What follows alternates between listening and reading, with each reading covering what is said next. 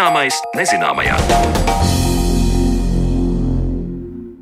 Esiet sveicināti! Ar jums kopā esmu Sandra Kropa un skanēt sāk raidījumu zināmais nezināmajā. Šodien mūsu uzmanībai kāds jautājums, kas noteikti nereizi vien ir iešāvies prātā katram, kādi būsim pēc tūkstošiem gadu. Homo sapiens savā pastāvēšanas vēsturē ir ne tikai ievērojamos apjomos vairojies, bet arī mainījies. Cik ļoti atšķiramies no saviem senčiem, kādi izskatīsimies tālā nākotnē, kā būs mainījies mūsu ķermenis, atskatu vēsturē un prognozes par nākotni dzirdēsim raidījumu otrajā daļā. Bet līdz Līdz tam ieskatīsimies tajā, kāds bijis mūsu senču galvaskaus. Pagājušā gadsimta 20. un 30. gados notika ekspedīcijas, kurās, kā tolaik teica, cilvēku mērītāji devās ekspedīcijās un anketēja un mērīja Latvijas iedzīvotājus, lai labāk saprastu latviešu antropoloģiskos parametrus. Par šiem mērījumiem un arī par to, ko vēsta seno latviešu galvaskausi, Zanes Lācis Baltalksnes saruna ar Rīgas Stradiņu Universitātes anatomijas muzeja vadītāju un medicīnas vēsturnieci Ievu Lībieti. Seja stūraina, vidēji velvēta piere, ieslīpa, iedobta, vaigu kaula apvidus vidējs. Uzacis kuplas, deguns vidēji plats, zods slīps un šaurs, ausis pieguļošas, ausu lipiņas vidēji lielas.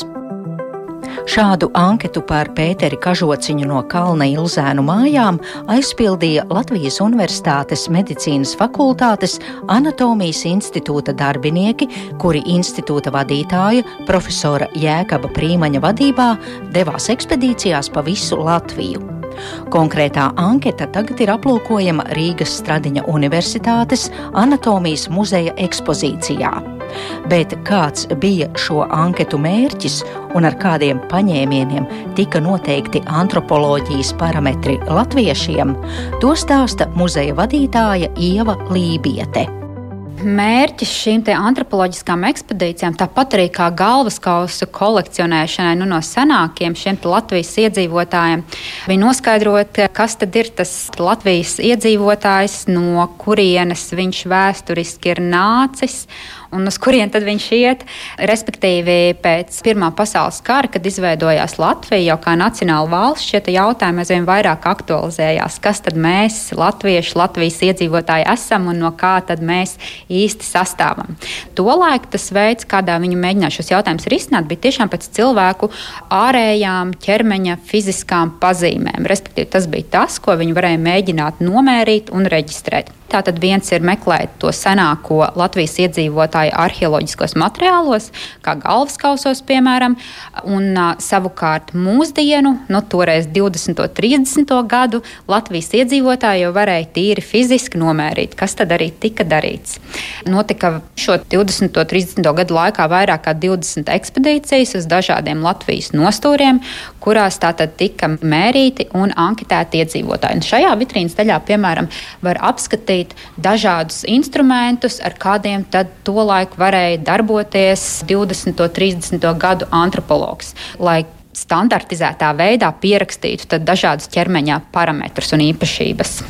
Nu, te var izlasīt kraniogrammas, galvaskausu līknes, latviskojot. Ja? Un arī tāds aparāts, tādā metālā karkasā ar spīlēm, ir viens galvaskauss. Jā, jā to, to instrumentu, kurš man liekas nedaudz šajā visā izkārtojumā atgādina tādu moku rīku. Nu, viņš ir mērinstruments, viņš nav īsti mokrīgs, un to sauc par kubisko kranioforu.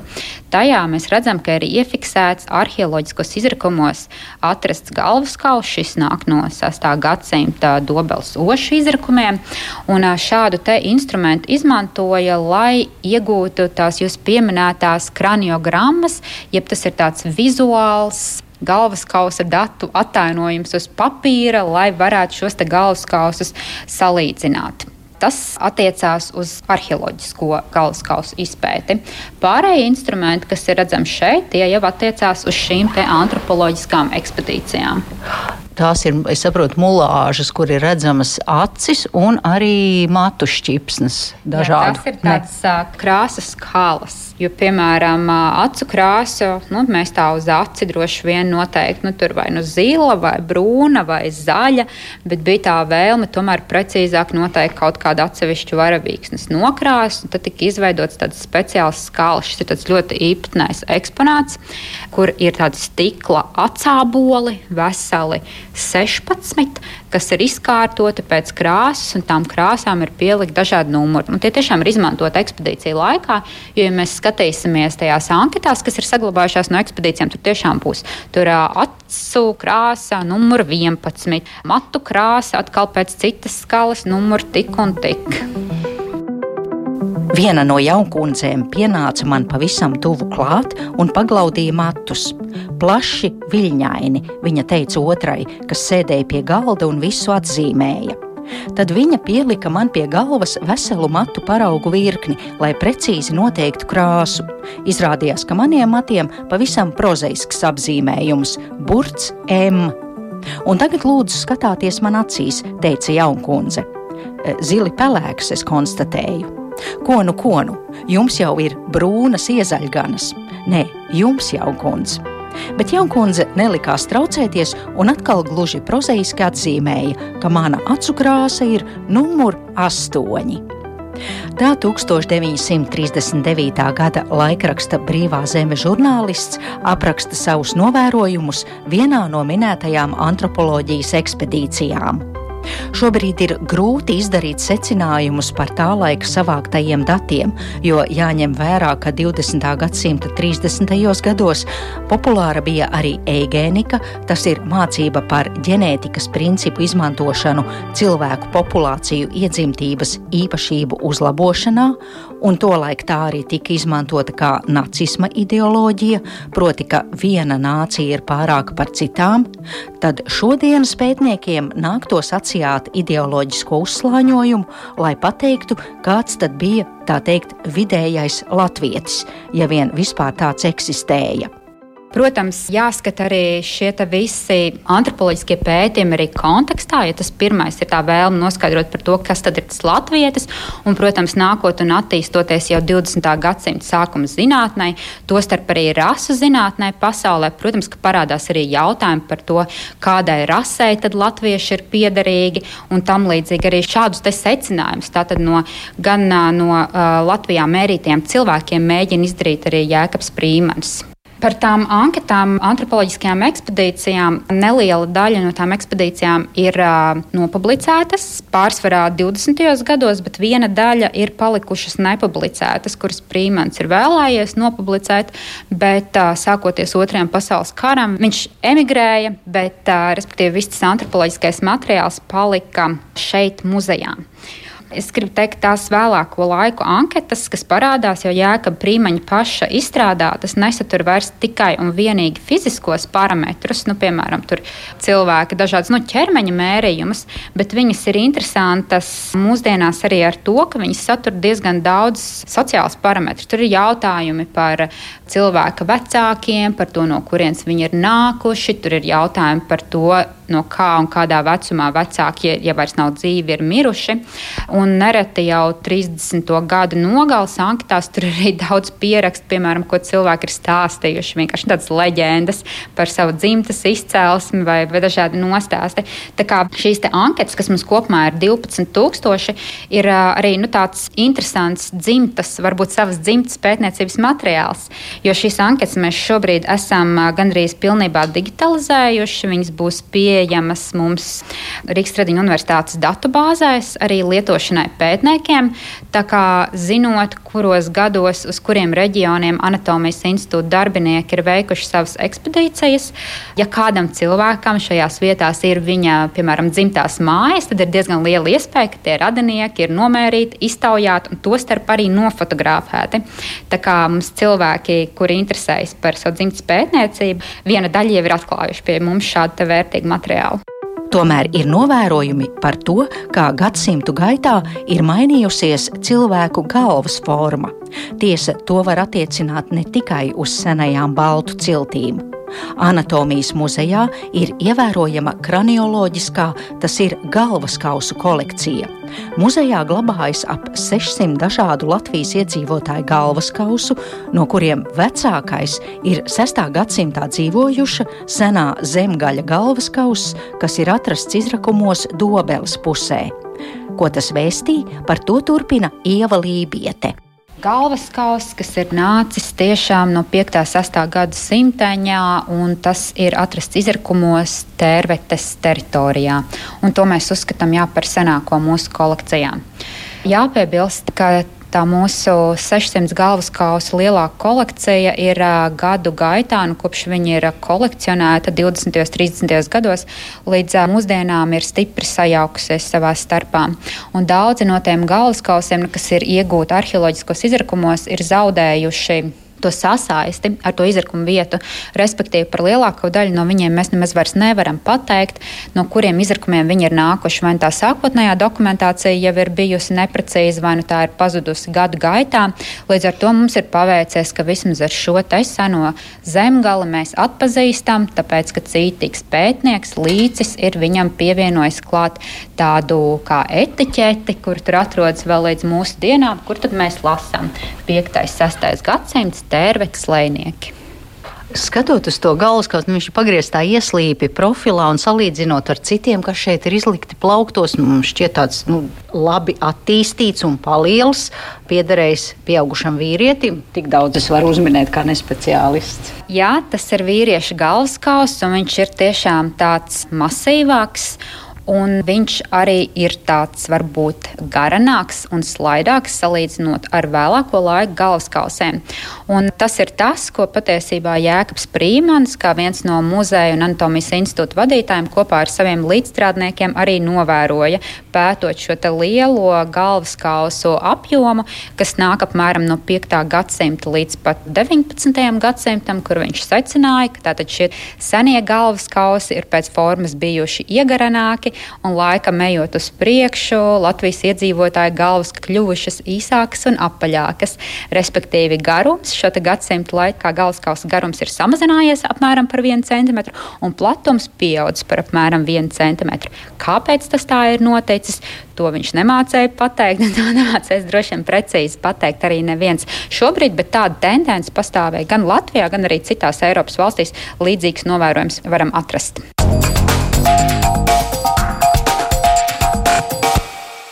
Par antropoloģiju 20. gadsimta sākumā stāstīja Zana Lāca Baltāksne, bet turpmākajās minūtēs uzzināsim, kā cilvēka galvaskaus un citas mūsu ķermeņa daļas mainījušās evolūcijas gaitā un kāds izskatīsies nākotnes cilvēks.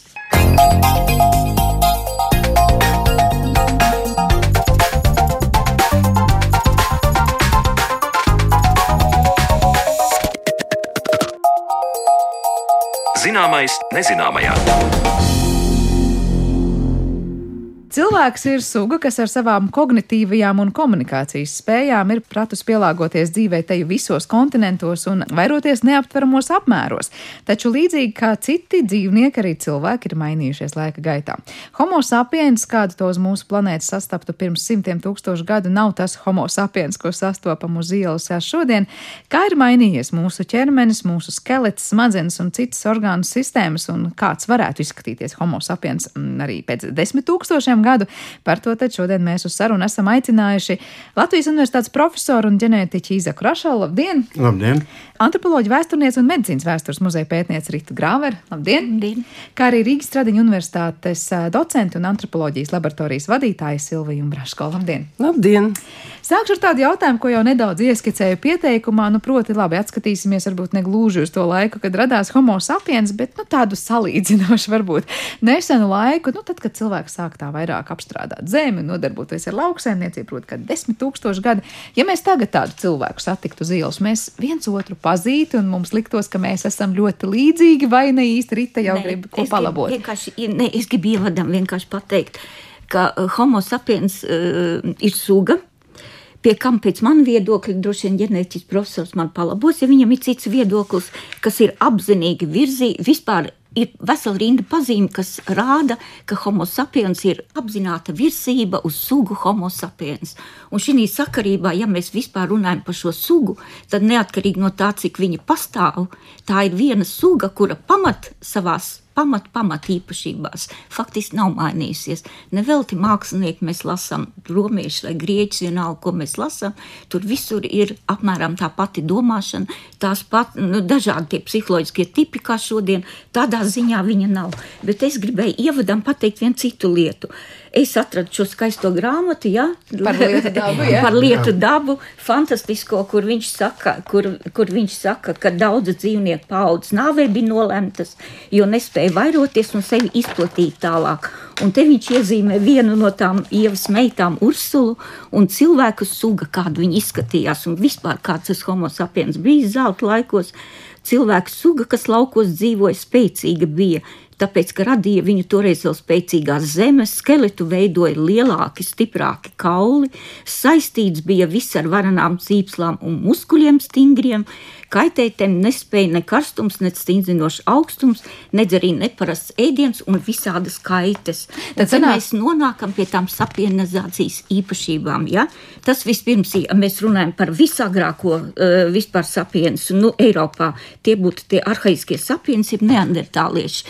Ļoti robusta uzbūve, vidējs augums, apaļa kubveida galva Un, e, un ļoti izteikta muskultūra. Tātad viss tās īpašības, kas šeit jau mazliet ir tā kā, tā kā pietušēts, bet apmēram tāds varēja izskatīties viņš taisa sākuma posmā. Bet vienalga, es domāju, ja mēs ieraudzītu tagad homo sapiens pirms simt tūkstošiem gadu, mēs teiktu, nu, negluži tas pats, ko mēs redzējām kaimiņš šodien uz ielas. Jā. Gandrīz. Tomēr jūs sakat, gandrīz un pavisam nu, pavisam kā suga noteikti kā suga mēs neesam mainījušies. Mēs... Bet varbūt viņš būs citā apģērbā, viņam būs cita frizūra. Jā. Un, Tieši un, tā. un Domāju, viņš izskatīsies mazliet citādi. Garums, platums un mēs, tā tālāk. Mēs pie tā nonāksim. bet labi, runājot par, par to vizuālo, tā tad es jā. tikai par vizuālo runāju. Bet, mēs... ja runājot par vizuālo un ja mēs runājam par no ģenētiskā viedokļa, tā ir viena un tā pati suga, jā. kuru raksturojam mēs terminos runājam, viens un tas pats genoms. Tātad viens un tas pats gēnu kopums. Gēnu atsevišķas formas, no aleles, kā mēs sakām, ja, var atšķirties. Un viņas arī atšķirās tagad dažādām tautībām, dažādās geogrāfiskā reģionā, bet noteikti tā ir viena tā pati suga. suga. Es tikai piebildīšu, ka neandertālieši tā tomēr ir cita suga, nu, pēc mūsdienu uzskatiem. Var teikt, ka tas, kā šobrīd vizuāli atšķirtos mēs no mūsu senča pirms 10 vai 20 tūkstošiem gadu, nav vairāk kā šobrīd atšķiras dažādu tautību cilvēku vizuāli. Noteikti, jā. Tas arī, bet vēl. Mērķtiecība, virzība uz sugu, tā ir makroevolūcija. Ja mēs runājam par izmaiņām, un mēs šodien runāsim par iekšējām sugas ietvaros, Tas ir kopumā mikroevolūcijas process, ja, kas, kam ir ļoti daudz dažādu papildu mazu procesu. Un, ja mēs runājam lūk, par šiem te, par tiem sākotnējiem homo sapiens, ka viņi bija tādi ļoti muskuļoti, tiešām tādi visādi, tad e, pirmās izmaiņas skar jo tas ir tīri vēsturisks. Čēlis, vēl tāds angļu arheologs, 50. gadā uzrakstīja par pirmo neolītu revolūciju. Un, un šodien viss par to runā. Tā, tā, tā ir tā neolīta revolūcija, kad cilvēks pāriet uz zemkopību un maizi. Jo šeit viņš runā, ka vēl maizi nepazina, tāpēc viņš iezīmē šo tipu. Un tad, kad pāriet uz zemkopību maizi, tad e, mazliet maigāks paliek tās aprises, muskuļu piestiprināšanās vietas, izmainās žoklis, kļūst maigāks, aiztaisās vesela virkne, tad gudrības zops sāk lēnā garā pazust. Tātad tas ir tas process, ko kādreiz viņi sauc par gracilizāciju. Nu, Bet Silvija mums nezinu, vai šodien joprojām ir jautājums, vai tajā brīdī bija vēl citādāk. Vi, visas ieskicēt tālāk. Silvijai vārds, jā. Mm, ja mēs aplūkojam tātad evolūciju cilvēku, eh, tad pirms vairāk, tātad divi ar pus, četri miljoni gadu iepriekš, ja, tātad pērtiķa cilvēks. Pērtiķa cilvēks, pēc tam nāk Āfrikas pērtiķa cilvēks. Arī apmēram pusotra miljona gadu pirms. Un tad 200 tūkstošu gadu homo habilis, kas kā saka, latviešu valodā tulkojās prasmīgais cilvēks. Mm -hmm. Tad mhm. tāds prasmīgais cilvēks bildēs, jā, vēsturnieku bildēs tiek zīmēts, ka sēž upes krastā, kaut kāda ūdens krastā, un droši vien novēro, kas tur notiek, varbūt noķer zivis. Bet tas vēl joprojām ir homo habilis. Tas nav homo habilis. Jā, tas jā, jā, ir prasmīgais cilvēks. Pēc uh, tam uh, jau 300 tūkstošu gadu līdz 200 tūkstošu gadu. Mm, iep, iep, nu, pirms tam nāk, nākošais jau stāvus staigājošais, tad homo erectus. Tā tad staigā cilvēks uz divām kājām, balsts uz divām kājām noteikti mainās kaulu struktūra, saišu struktūra, muskuļu struktūra, apakšējām ekstremitātēm.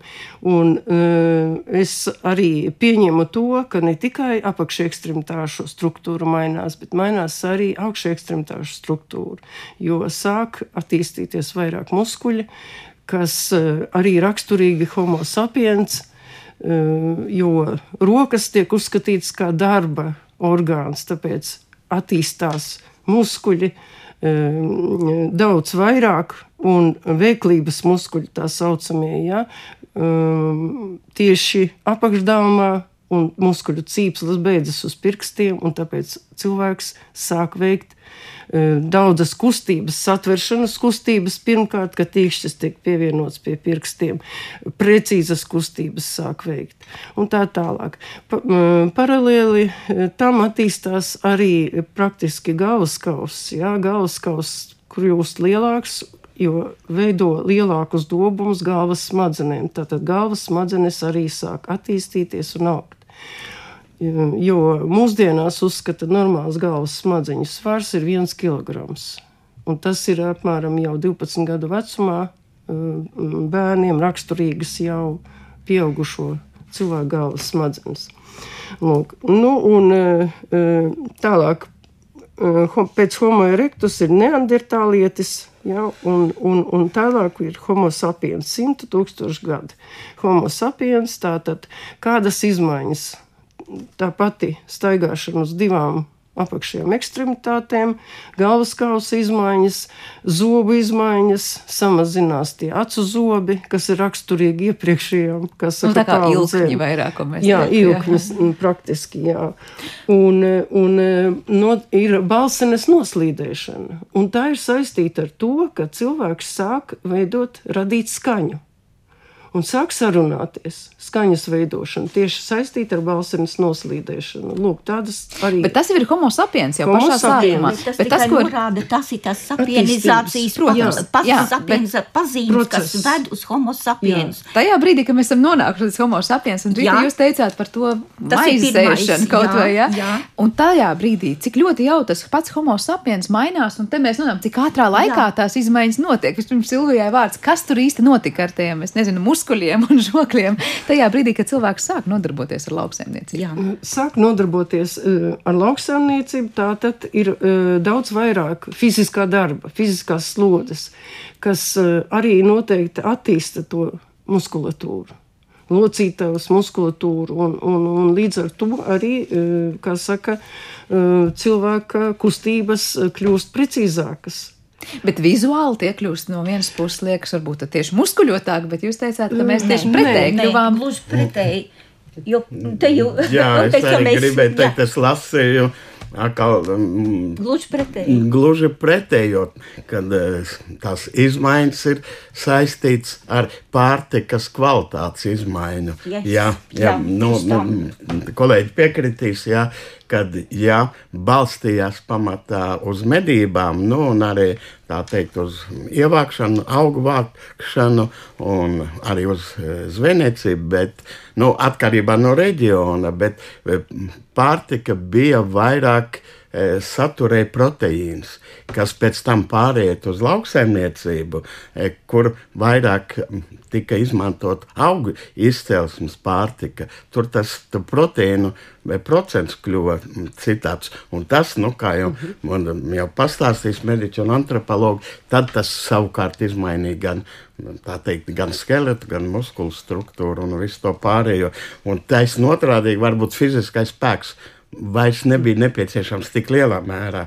Un es saprotu, ka kolēģi man piekritīs. Jā, jā, jā Bet es vēl, ja mēs tagad jā. runājām par, e, par cilvēku izcelšanos un par ģenētisko daudzveidību. Mēs teicām, ka tā ir viena un tā pati suga, bet mēs zinām, ka tā, tas, nu, kad e, homo sapiens, jā, tā teikt, izcēlās Āfrikā. Un uz pārējiem kontinentiem, no aptuveni 100 tūkstošu gadu atpakaļ, bija tā pirmā lielā migrācija ārpus. Un pēc tam ir notikusi vairākas tās migrācijas. Bet, ja mēs salīdzinām ģenētisko daudzveidību Āfrikas kontinentā, viņa ir daudz lielāka nekā ģenētiskā daudzveidība ārpus. Āfrikas kontinentu. Bet tas arī nozīmē, ka viņi fenotipiski pēc ārējā izskata bija ļoti dažādi. Un skaidrs, ka paleontoloģija tagad vēl nedod pilnu priekšstatu, cik liela daudzveidība tā bija. Un līdz ar to mēs varbūt vienā reģionā atpazītu mums līdzīgāku cilvēku, citā nē. Mēs jau arī, nu, teiksim, nu, e, nu, pat nesen e, ilustrētā zinātnē bija aprakstīts, kad bija nu, kaut kāda mutācijas, ja kaut kādi cilvēki, e, teiksim, ar citādu krāsu, ar citu apmetojumu, e, tā teikt, sadalījumu, viņš pat cirku rādīja, lai mēs zinātu, kāda liela daudzveidība ir. Tāpēc mēs varētu arī neatpazīt, vai tas ir homo sapiens, vai tas ir kāds cits homo Jā, viņš vēl tā teikt, vēl nu, runa nebija attīstīta. Jā, bet atšķirības bija milzīgas. Arī jūs, profesor, nonācāt līdz adapt, adaptīviem procesiem, pie jā. visas daudzveidības, un tas jā. ir ļoti svarīgs process. Un tas ir ļoti svarīgs, un tā kā jūs teicāt, makroevolūcija, mikroevolūcija, un ja mēs runājam par cilvēku sugu, tad tā ir mikroevolūcija. Mikroevolūcija. Bet arī kas tās mikroevolūcijas, var mikro... teikt, nu, dzen uz priekšu, ja mēs tagad ieklausāmies, tā ir pārtika no vienas. Vide. Vide. Vide. Nodarbošanās veids. Jā sociālās attiecības. Un visbeidzot, medicīna, protams, un tas viss kopā, bet viņš ir dažādos laikos, dažādi, nu, nepie, slimības struktūra, nu, tas viss, viss tas kopā arī dzen uz priekšu un iespaido un dažādos laikos. Tie procesi notiek dažādos laikos. Ja mēs runājam par neolītu revolūciju, nu, to pārēju uz lauksaimniecību, uz to, uz to kad cilvēks nopaļojās, kļūst trauslāks, var sakot, viņ, viņam stipri samazinās, uz pusi samazinās žoklis, jo mums Latvijā kolekcija no akmens laika laikmeta ir, kurā viens galskaus datējās ar 7. gadu tūkstotu. Tātad, ja Latvijā ienāk cilvēks 9. tāpat kolekcija kaut kur 5. 3. gadu tūkstotu, nu, jums droši vien jau ir stāstījuši. Un tad tur tie procesi nenotiek visur vienādi. Viņi, viņi saistīti vai nu ar noteiktu vidu, vai ar, ar tām klimatiskajām izmaiņām. Bet cik ātrā laikā tās, piemēram, galvaskausā izmaiņas būs? Nezinu, dažus tūkstošus gadu, un tās jau būs pamanāmas, vai tas ir par ātru, par, par lēnu? Kā? kā kurā vietā? Kā kurā vietā un cik eh, ir tas eh, stingrs, tas eh, izlases spiediens. Izlases spiediens, jā, jā tas var būt. Bet es arī, mm, un kolēģi laikam piekritīs, jā, kad nevienmēr šīs izmaiņas, un īpaši tās, kas ir ātrās izmaiņas, ir saistītas ar ģenētiskām izmaiņām. Ir ārējas vidas izmaiņas, nu, pieņemsim, akcelerācija. Nu, nevar būt tik da, pasaules vairākās malās vienlaicīgi kaut kādi faktori, ja, kas izraisa un, teiksim, ķermeņa e, izmēra palielināšanos. Mēs zinām, jā, teiksim, salīdzinot ar kādu 17, 18 gadu, e, gadsimtu mūsu cilvēki ir daudz lielāki. Pēc, pēc izmēra, un tātad gan augums un viss pazīmes, kas korelē, arī ir izmainījušās. Bet nu, to nekādīgi nevar izskaidrot ar ģenētiskām izmaiņām. To mēs saucam ģenētikā par fenokopijām. Jā. Tā tad ir visā pasaulē, kas ir noticis. Jā, vai, jā? Nu, to man paskaidro, paskaidros precīzāk, bet, teiksim, Eiropā noteikti tas notika vienlaicīgi. Mm -hmm. Jā, jā, bet pirms mēs nonākam pie akcelerācijas, tas jau ir 19, jo pētnieki konstatē tās izmaiņas Katra, vienalga ar kādu no tām, ja viņš nodarbojas ar cilvēku izpēti, viņi konstatē tās izmaiņas. Un tātad pirmā tā bija tā saucamā gracilizācija, galvaskaus nopaļošanās, un izmaiņas Latvijā notiek un arī pašā Eiropā. Tas ir saistīts ar to, ka 13. un 14. gadsimtā stingri Latvijā mainās klimats. Stress ir tik liels, bats ir vairāku gadu garumā.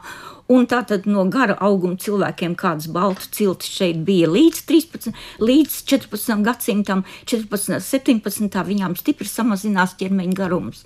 tas ir tas, par ko mēs runājam. Var sakot, pārtika ietekmē sliktie laika apstākļi, augstums. Nu, tas ir, nu, tā, protams, nav dabiskā izlase, ja, tas, Jā. kas strādā uz sugu, bet, nu, zinām, izlases izlas tie procesi tie ir.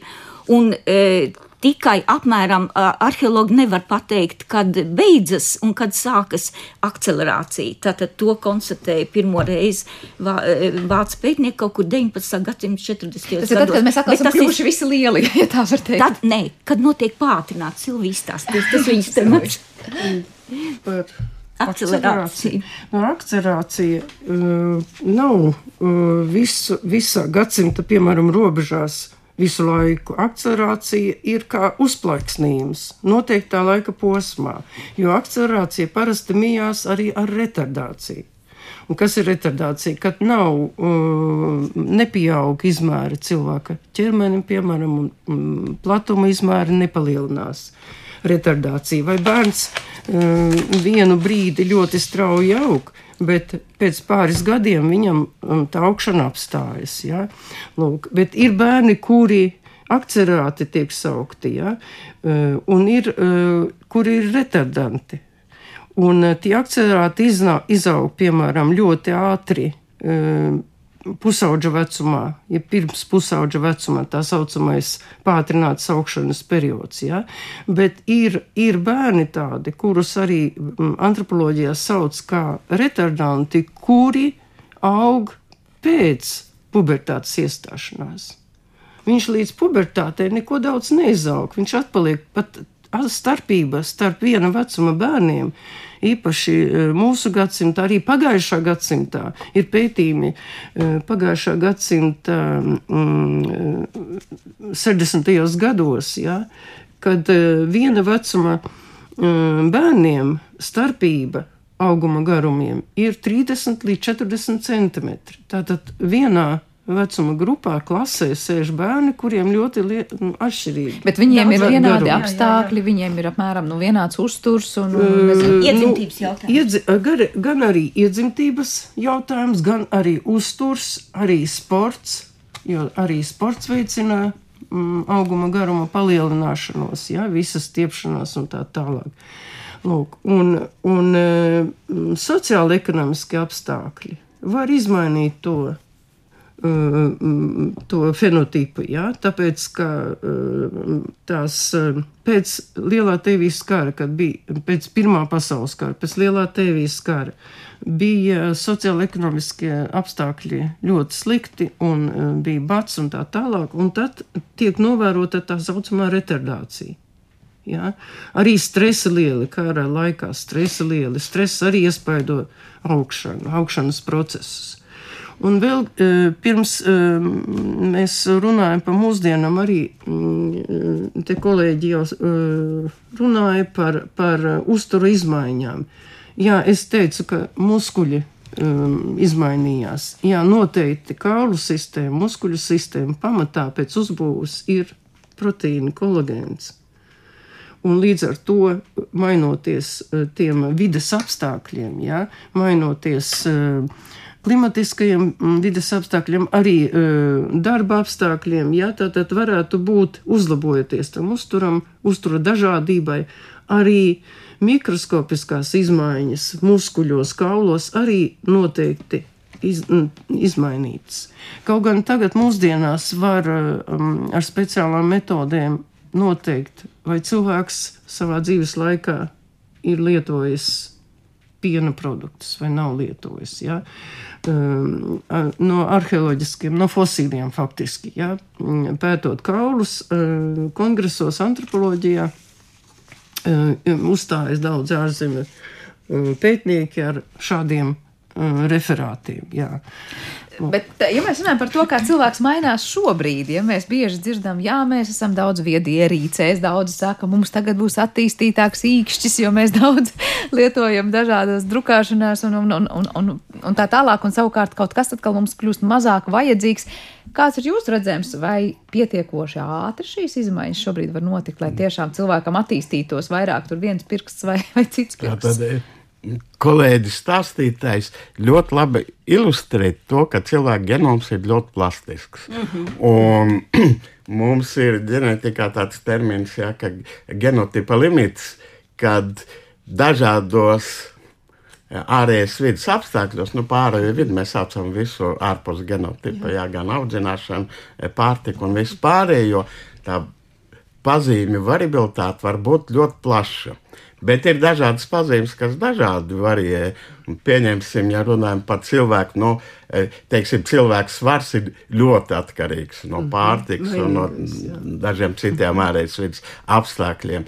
Cilvēka garums var būt netik lielā mērā, bet Paralēli tam ir arī ģenētiskā mainība, un šīs krasās, ātrās izmaiņas visparasti ir saistītas ar šo e, tātad genoma plastiskumu, kurš Jā. var ātri izmainīties. Bet, ja viņš izrādās adaptīvs, tad laika gaitā arī notiek ģenētiskās izmaiņas, e, kuras nosaka to, ka bērns jau piedzimst vai nu garāks, varbūt ar jā, jā. melniem matiem, ar gaišiem matiem, lai tā adaptācija notiek pie ārējas vidas apstākļiem vieglāk. Bet tomēr tā, tā, tās izmaiņas, ja, viņas notiek vai nu ātri, tad tās visdrīzāk nav ģenētiskās izmaiņas, vai nu pakāpeniski, un tad mēs jau runājam, kas ir ātri lēni. Tas ir paudzes. Ģenētikā mēs ātrumu skaitām pēc paudžu skaita. Ja pazīme ir ļoti iedzimta, tad viņa var izmainīties arī ģenētiski ātrāk. Ir pazīmes, kuras uh, ir atkarīgas no genotipa un ārējas vidas miedarbības, un tad tās izmaiņas var būt E, nepārmantojas. Nu, klasiskais piemērs ar to žirafi, žirafu kaklu, jā, vai tas pārmantojas vai nepārmantojas. Tā tad trenējās, trenējās, tās treniņi. E, rezultāts nepārmantojas, bet ir arī mutācijas, un tās mutācijas ar garāku kaklu palīdz žirafai atstāt vairāk pēcnācēju, tad arī ģenētiski izmainās. Ja mēs prasītu, vai Schwarzenegger bērni būs ar attīstītu muskulatūru, nē, viņi varbūt piedzimt tieši tādi paši vāji bērni, kā viņš bija. Doktor humoram. Un afrikāņu ciltīm ir tās sievietēm tās rotas, kur viņas pagarina to kaklu. Jā. Tur ir 20, 30 kakla riņķi. Nu, jā, tās garās savas, lieldienu salaus un, un, tā, tā, un bet, tā nu, tālāk. Tas nekad neiedzimst. Un tas neiedzimst. Ja mēs prasītu par īkšķi, un tas man arī studenti uzdod, un es atbildu studentiem, ja ir tā, ka tam puisim, jeb tai meitenei, kurai ir labāk attīstīts īkšķis, tātad viņa ar mobilo telefonu ātrāk var darboties un veikt. Ja viņai Līdz ar to būs lielāka iespēja viņai apprecēties, ja viņam atrast sev piemērotu uh, līgavu. Tad jā, tad varbūt jā, bet nu, studenti smaida un paldies Dievam ārpus. Uh, šai saskarsmei par mobiliem telefoniem, tomēr vēl paliek ar tā e, individuālā saskarsme. Ja? Un līdz ar to es nedomāju, ka nākotnes cilvēkam līdz ar to izmainīsies īkšķis kaut kādā veidā, būs vairāk attīstīts. Bet tā kā mēs zinām, mēs jau tagad runājām, cilvēks jau e, vairs nav atkarīgs no daudziem ārējas vidas apstākļiem, bet ir izmainījušies nu, tie tradicionālie, jā, viņam obligāti nav jābūt spēcīgam, viņam. E, Viņam nu, ir e, no, iespēja apģērbties. Jā, bet viņam ir kognitīvās spējas, bet viņš tagad dzīvo citā sociālā sabiedrībā, jā, jā, jā. kur ir, un to man e, papildinās ārsti un psihologi, ka tagad ir cits spiediens. Mēs dzīvojam varbūt tādā stresainā apstākļos visu laiku, nepārtrauktā stresā. Mums ir citi kriteriji, kā mēs izvēlamies partneri. Un tas ir varbūt tas, kas kaut jā, kādā jā, jā. mērā virzīs cilvēku. Bet, ja man prasīt, es, kolēģi man papildinās, bet ir viena ģenētiskā lieta, kura noteikti iespaidos to, kā cilvēks attīstīsies, kā cilvēks kā suga attīstīsies. Lai notiktu evolūcija, ir jābūt trīs faktori. Ja? Tātad mutācijas, izlase un izolācija. Ir jābūt izolētām grupām, citādi evolūcija nevar notikt, jo tas viss atkal ir mutācija, ir, bet nu, jau Darvins no tā viņam eh, pateica, kā nu, tā mutācija, bet tā, tā izšķīdies. Tā tad ir vajadzīgs izolētas sabiedrības grupas, kuras var izveidot kaut kādu no evolūcijas gaitā. Bet tagad ir notiek globalizācija. Tagad nav vairs tik daudz etniskās izolācijas, jā, nav reliģiskās grupas tik daudz. Un kas mums notiek? Mums ir starp etniskās laulības un pat starp dažādām cilvēku rasēm. Un tas genofons, kas ir cilvēkiem, bet kurš pagaidām ir sadalīts nu, varbūt mazākās kastītēs, viņš tur sajies vienā, e, tā teikt, lielāk, lielākā kopumā, kur notiks rekombinācijas, ādu krāsa izmainīsies, un, un daudz kas cits. Un epidēmijas, jā, un daudzas lietas, un ko kolēģi man vēl no pazīme viedokļa var papildināt, bet no ģenētiskā viedokļa, es domāju, tās patiešām var būt ļoti straujas izmaiņas. Jā. Tā nu, tās būs straujas un redzamas izmaiņas. Jā, tad galvenais, vai tas notiks, tad šīs izmaiņas, kā jūs teicāt, ja tas novedīs pie tā, ka tām būtu vērts iedzimt, tad tas arī notiks. Ja nē, tad, tad, tad patiesībā nē. Droši vien ir ko papildināt. Es nezinu, es eh, Silvija. gribētu pateikt, ka nu, manas domas tās ir, ka mūsdienās ir uh, stipri izmainījušās cilvēkam vērtības. Šī tehniskais progress netīra pārtika varbūt, ja? varbūt modificētā pārtika, ja? ka tā izmainīs, izmainīs uh, cilvēku no, saka, no iekšienes saistībā ar veselības stāvokli. Bet ne uz jaunu sugu. Ne jaunu sugu noteikti nē, bet veselības uh, stāvoklis būs noteikti savādāks. Jo, ko es esmu novērojis? Es esmu novērojis, ka ilgstoša sēdēšana, mazkustīgs dzīvesveids saīsina muskuļus. Jā, sēdus, piemēram, saīsinās augštilbu mugurējās grupas muskuļi. Un jauniešiem samazinās lokanība. Viņi var ne, vairs nevar noliekties, piemēram, deviņos gados Eh, pieskarties ar plaukstām pie grīdas, jā, samazināt. Tātad saistībā ar muskuļu cīpslu un pašu muskuļu saīsināšanos.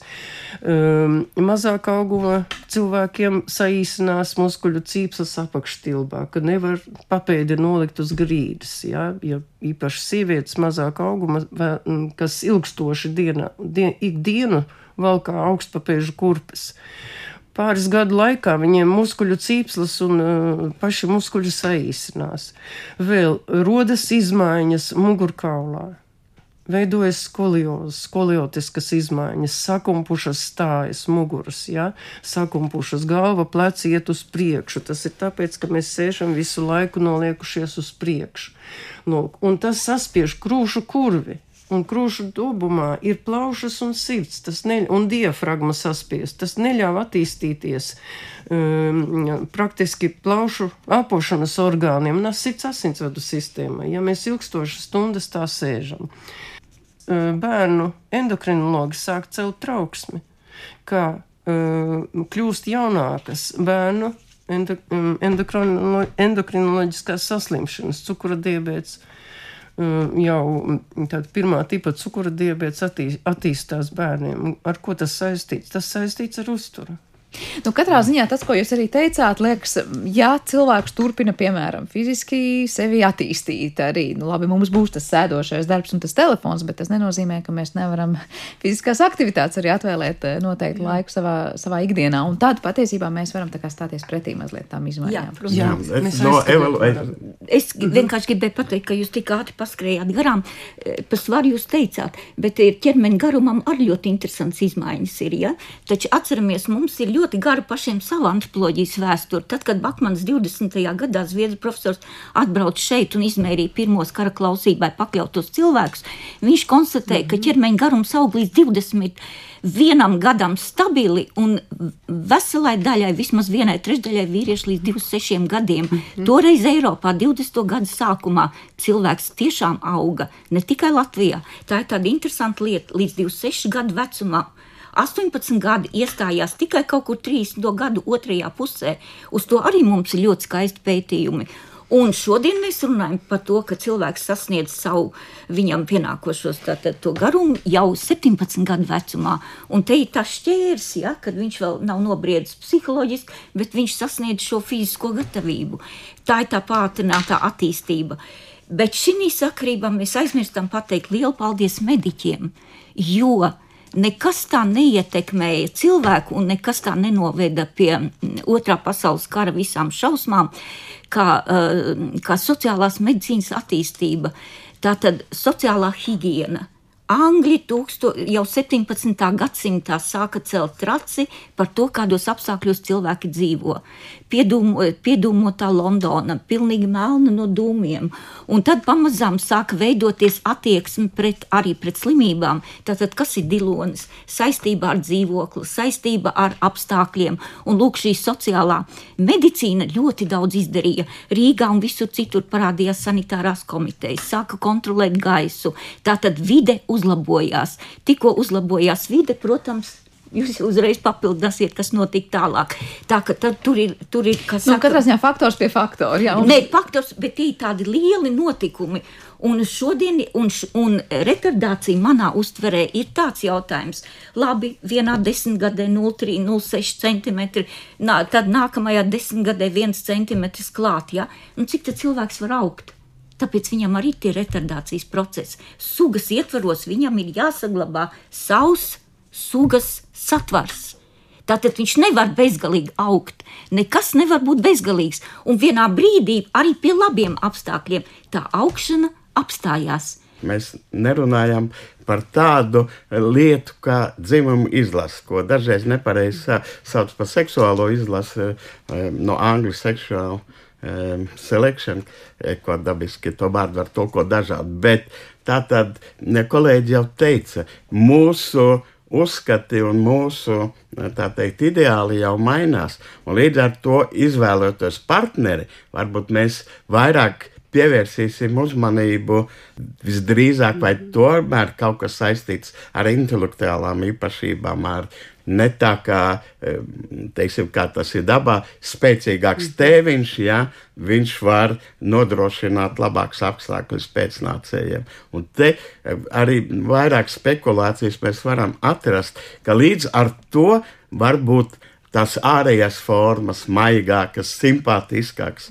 ka tām būs kaut kāda lieta, jā, bet tā ir spekulācija. Tā lieta ir tāda, ka mēs nezinām, ja mēs skatāmies uz nākotni, mēs varam dažādas modeļus veidot, kāds būs klimats tur pēc 50 gadiem, pēc 100 kāds būs. Bet var kaut kas ļoti ātri izmainīt. Nu, nedod Dievs, notiek tagad karš pie atomelektrostacijām, notiek avārija tik globāls būs izmaiņas klimatā un viss kaut ko varbūt izdzīvos tikai tie, kas ir ģenētiski varbūt izturīgāki pret radiāciju. Un, un mēs nezinām, ar ko tas viss kopā korelē. Jā, te ir daudz jautājumu, kuri laikam tikai tagad varētu sākt attīstīties, bet mums, diemžēl, ir jāliek punkts mūsu sarunai. Pēdējo gribēju papildināt Silvijas sacīto ne tikai bērnārstu, vispār slimību dinamikas, slimības, saslimšanas, visas ir jaunākas, un viņas ir kardināli mainījušās, salīdzinot ar 50, 60 un 100 gadiem. Un tas viss kopā, viss, ko mēs runājam, pieder arī pie tā. Kā mainās cilvēks? Kā mainās nu, cilvēks? Covid jau izmainījās divu gadu laikā. Jā, tieši Pat tā. Covid divu gadu laikā izmainījās. Ko te runāt par citām slimībām? Paldies jums par šo sarunu. Latvijas Universitātes profesors un ģenētiķis Izaks Rašals, kā arī antropoloģija un vēsturniece, medicīnas vēstures muzeja pētniece Rita Grāvere un Rīgas Tradiņu universitātes docenta antropoloģijas laboratorijas vadītāja Silvija Braško bija mums kopā šajā raidījuma pusstundā. Ar to arī tas ir izskanējis. Paldies jums visiem par klausīšanos un uz tikšanos!